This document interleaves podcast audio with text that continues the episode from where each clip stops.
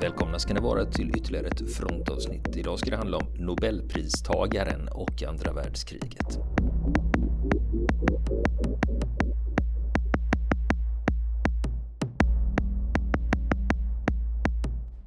Ja du Niklas, Nobelpristagaren. Det finns ju några att välja på då. Ja, precis. Eh, det gör ju det, men vi ska prata om en tysk Nobelpristagare. Eh, en av Västtysklands mest kända författare. Han heter Heinrich Böll. Och han fick eh, Nobelpriset 1972. Nobelpriset i litteratur. Och eh, har beskrivits som en arbetarförfattare. Och hans mest kända bok, eller mest hågkomna bok i alla fall för en svensk publik, den kom ut ett par år efter Nobelpriset och det är den heter Katarina Bloms förlorade heder. Eh, och eh, det var ju en roman då som eh, handlar om eh, eh den är skriven mot bakgrund av, eh, av Röda arméfraktionens eh, terrorism i Västtyskland i början av 70-talet och om den ökända västtyska tabloidpressens eh, sensationsmakande då.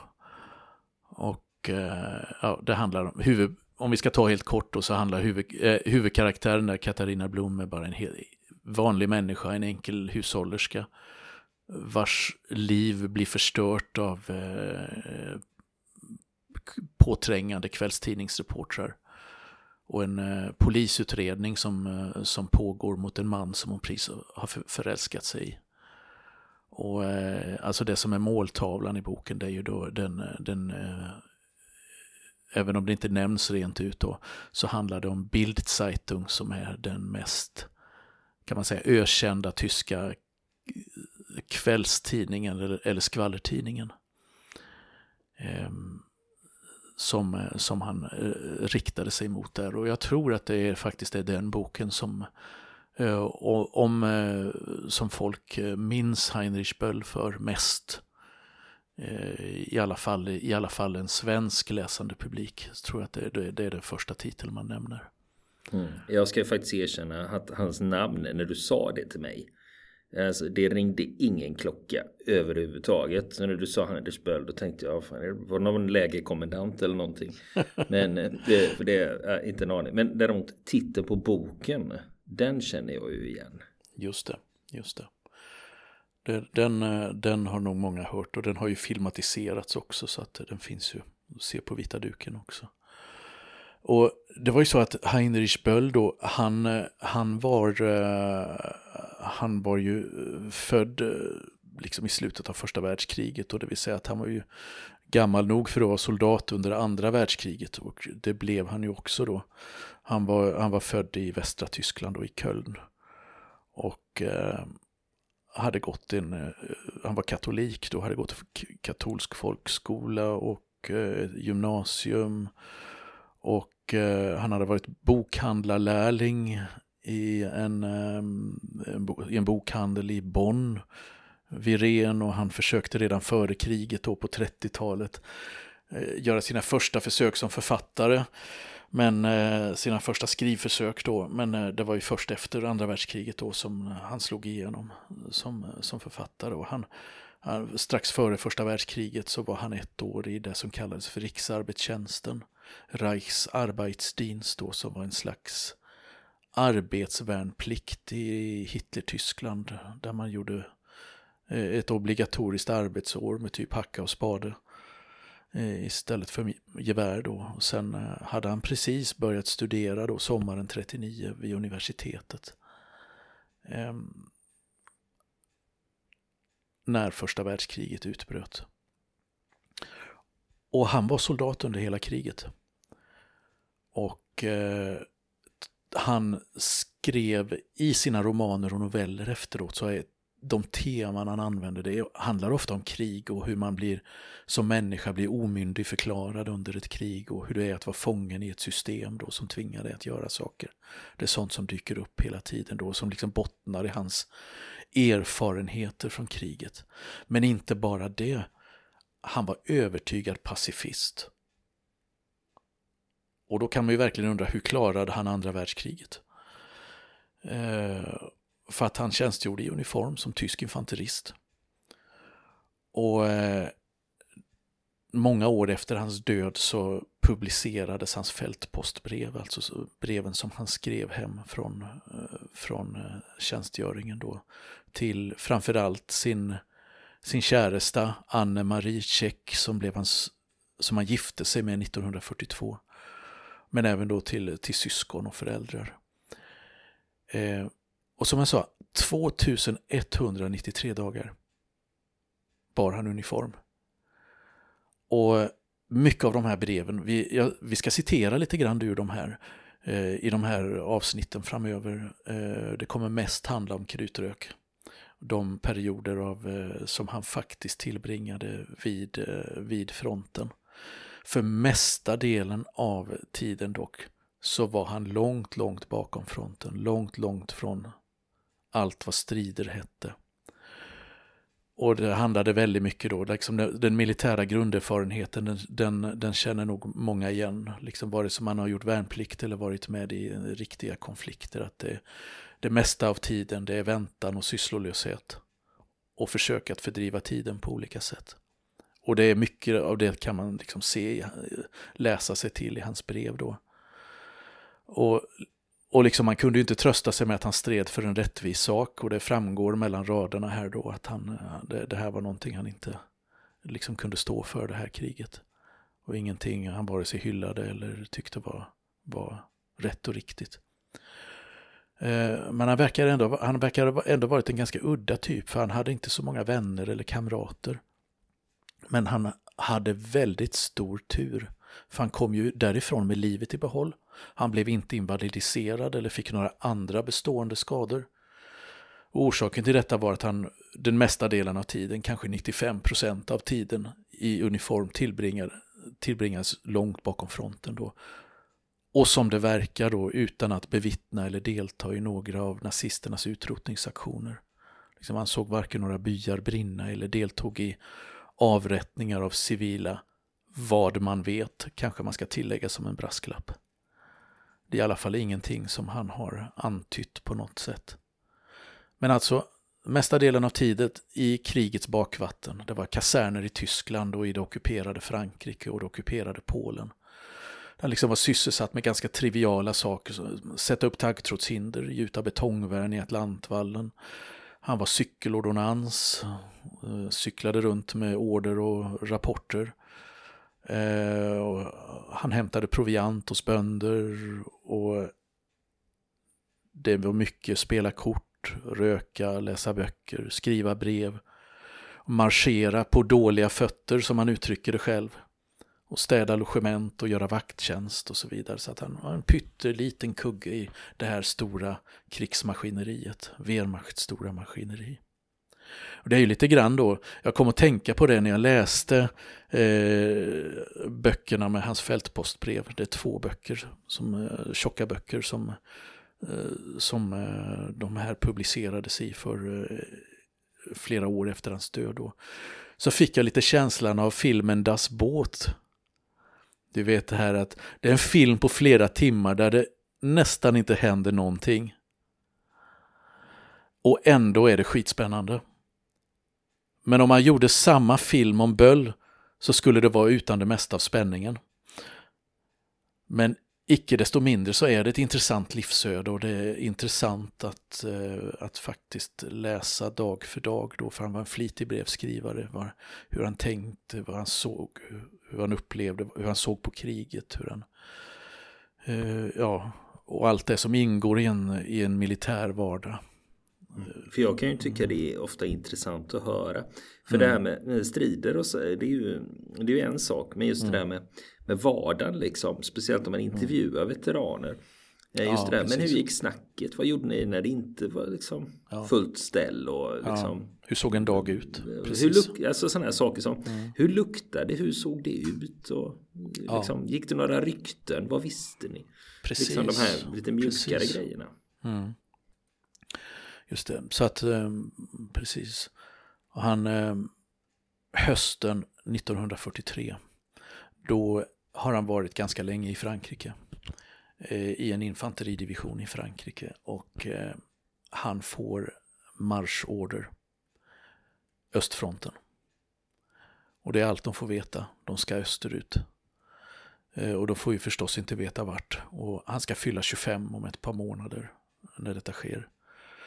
Och klockan 19.22 den 28 oktober 1943 så avgår trupptransporttåget från järnvägsstationen i en liten eh, stad som heter Wancourt som skulle föra honom ut i kriget. Men redan efter 33 minuters resa så sker ett attentat mot tåget. Den franska motståndsrörelsen som har slagit till och sprängt rälsen. Och eh, det blir ju förstås kaos.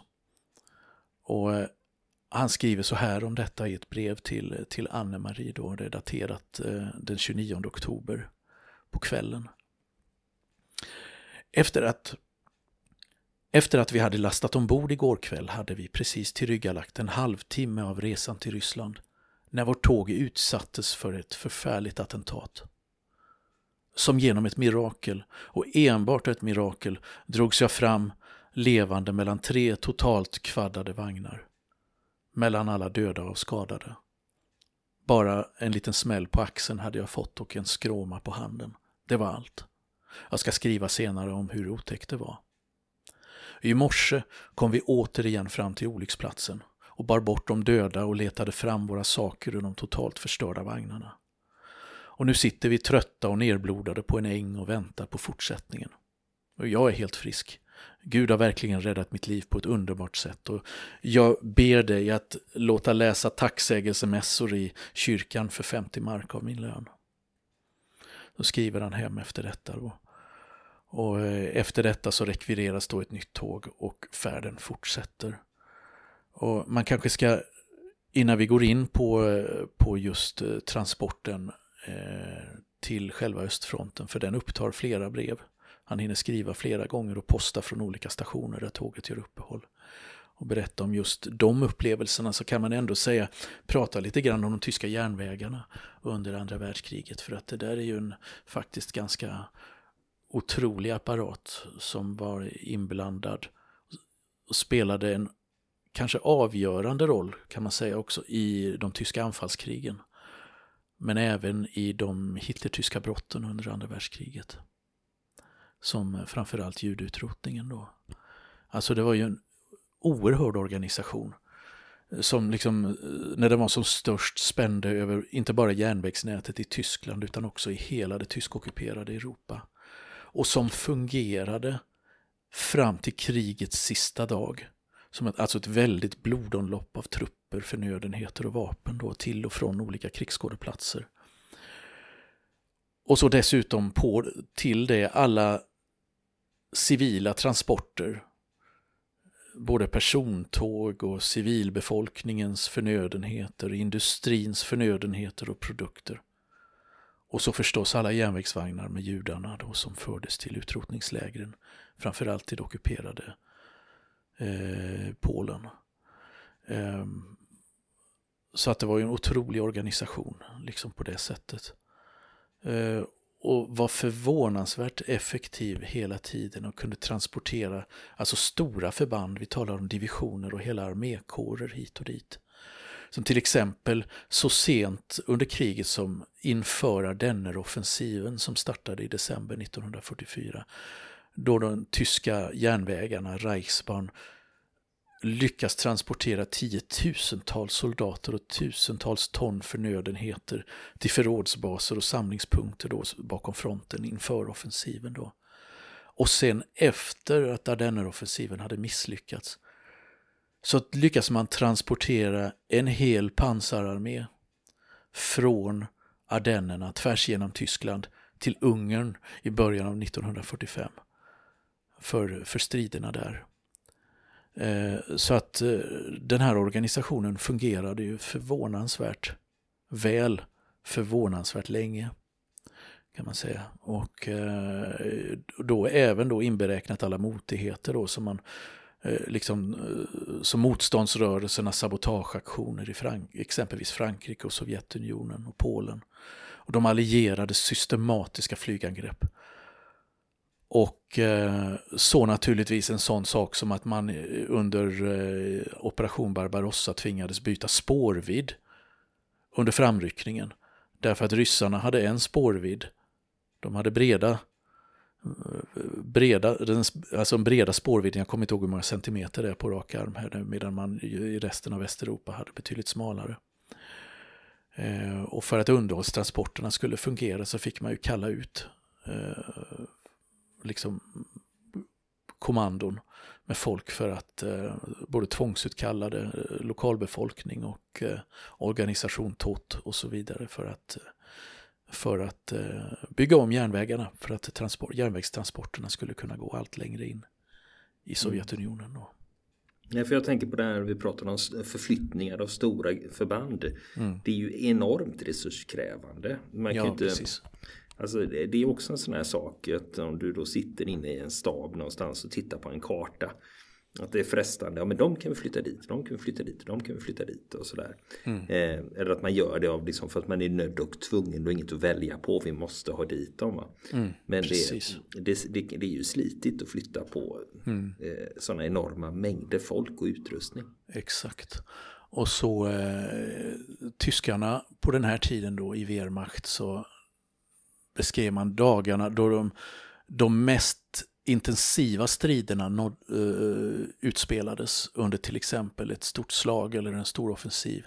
Det kallade man för Großkampftage, alltså storstridsdagar, ordagrant översatt kan man säga. Det är de mest intensiva skedena. Och eh, då har jag sett en uppgift någonstans att en tysk armékår under en sådan dag kunde förbruka 30 godsvagnar ammunition. Eh, och det säger en del, gör det. Ehm, och då, då, kan man tänka att en armékår det är någonstans mellan, på den tiden då, mot, eh, under kriget kanske, ja, någonstans mellan 25 och 40 000 man i, i runda slängar. Och ja, som den här, den här resan den går vidare, den passerar ju rakt genom Tyskland då.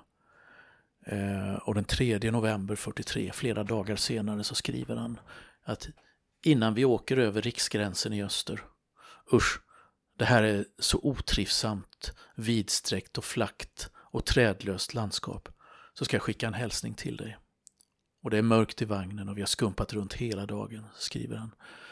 innan han går över på mer privata saker i brevet. Och två dagar senare, den 5 november 1943,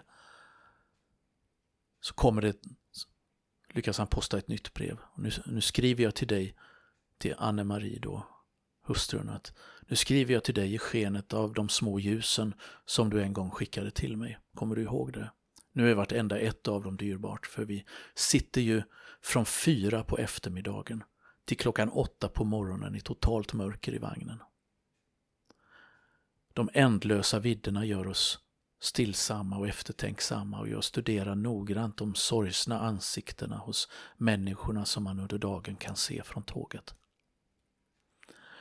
Och det här är ju liksom inget persontåg utan det är ju godsvagnar de, de eh, åker med då.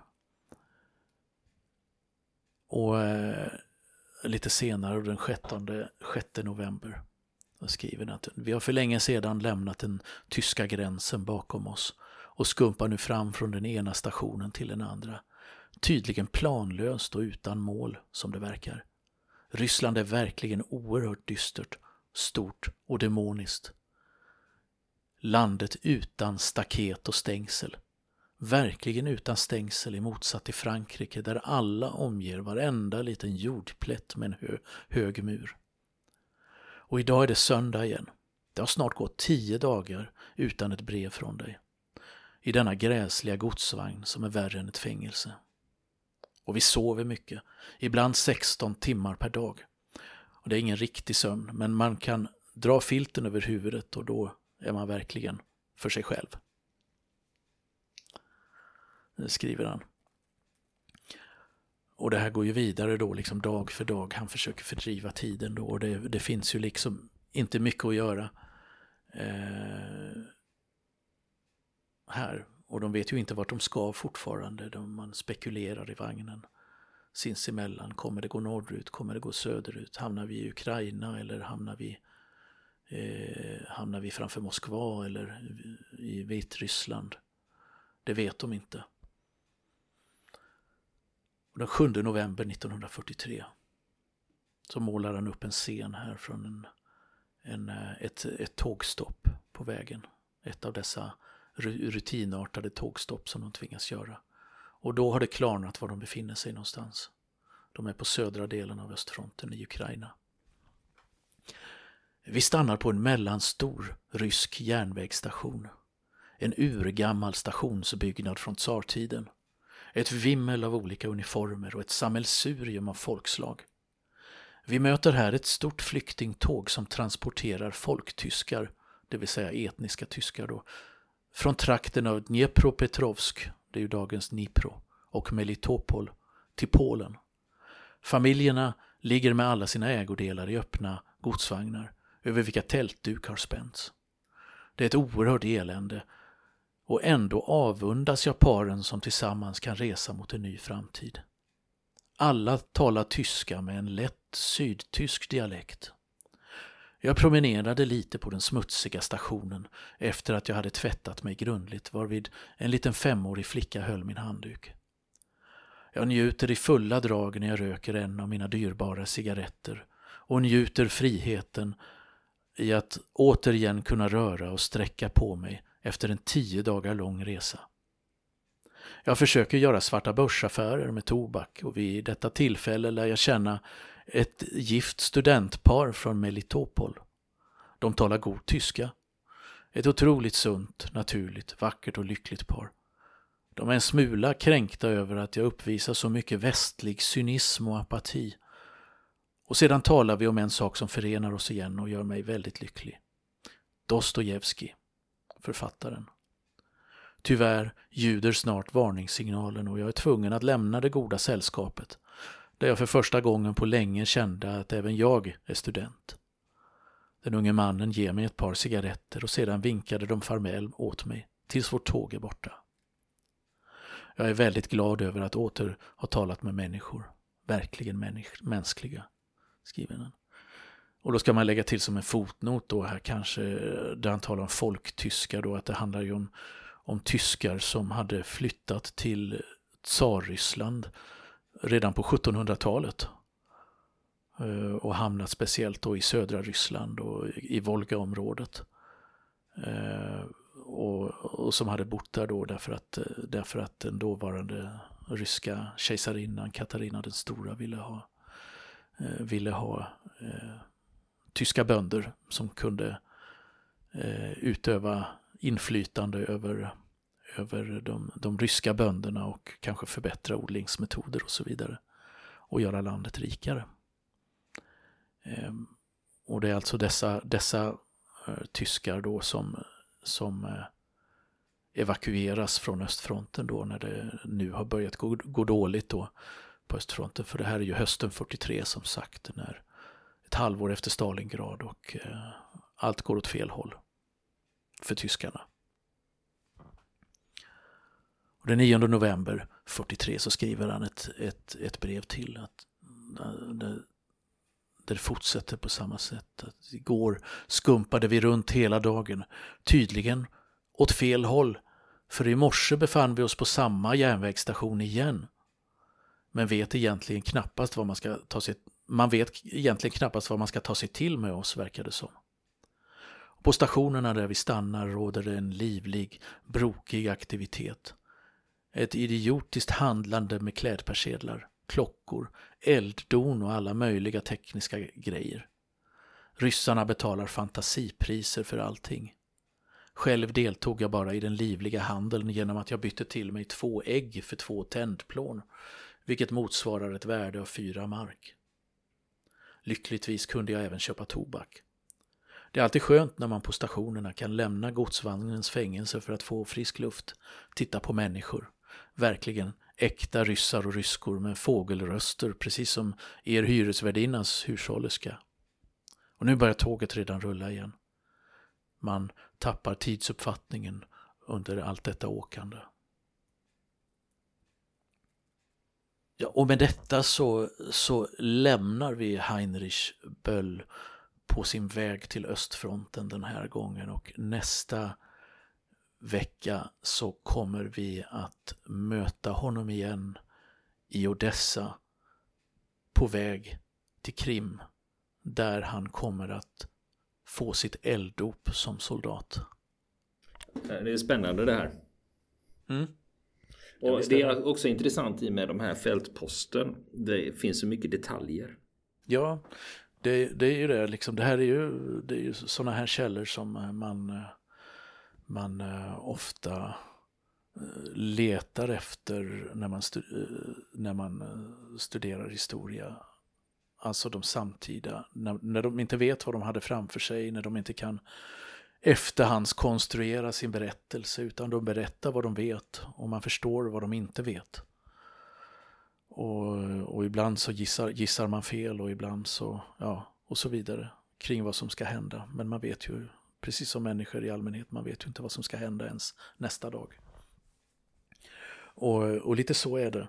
Och, och eh, han kommer alltså att sättas in i en infanteridivision på Krim då som anfalls, utsätts för häftiga anfall av Röda armén.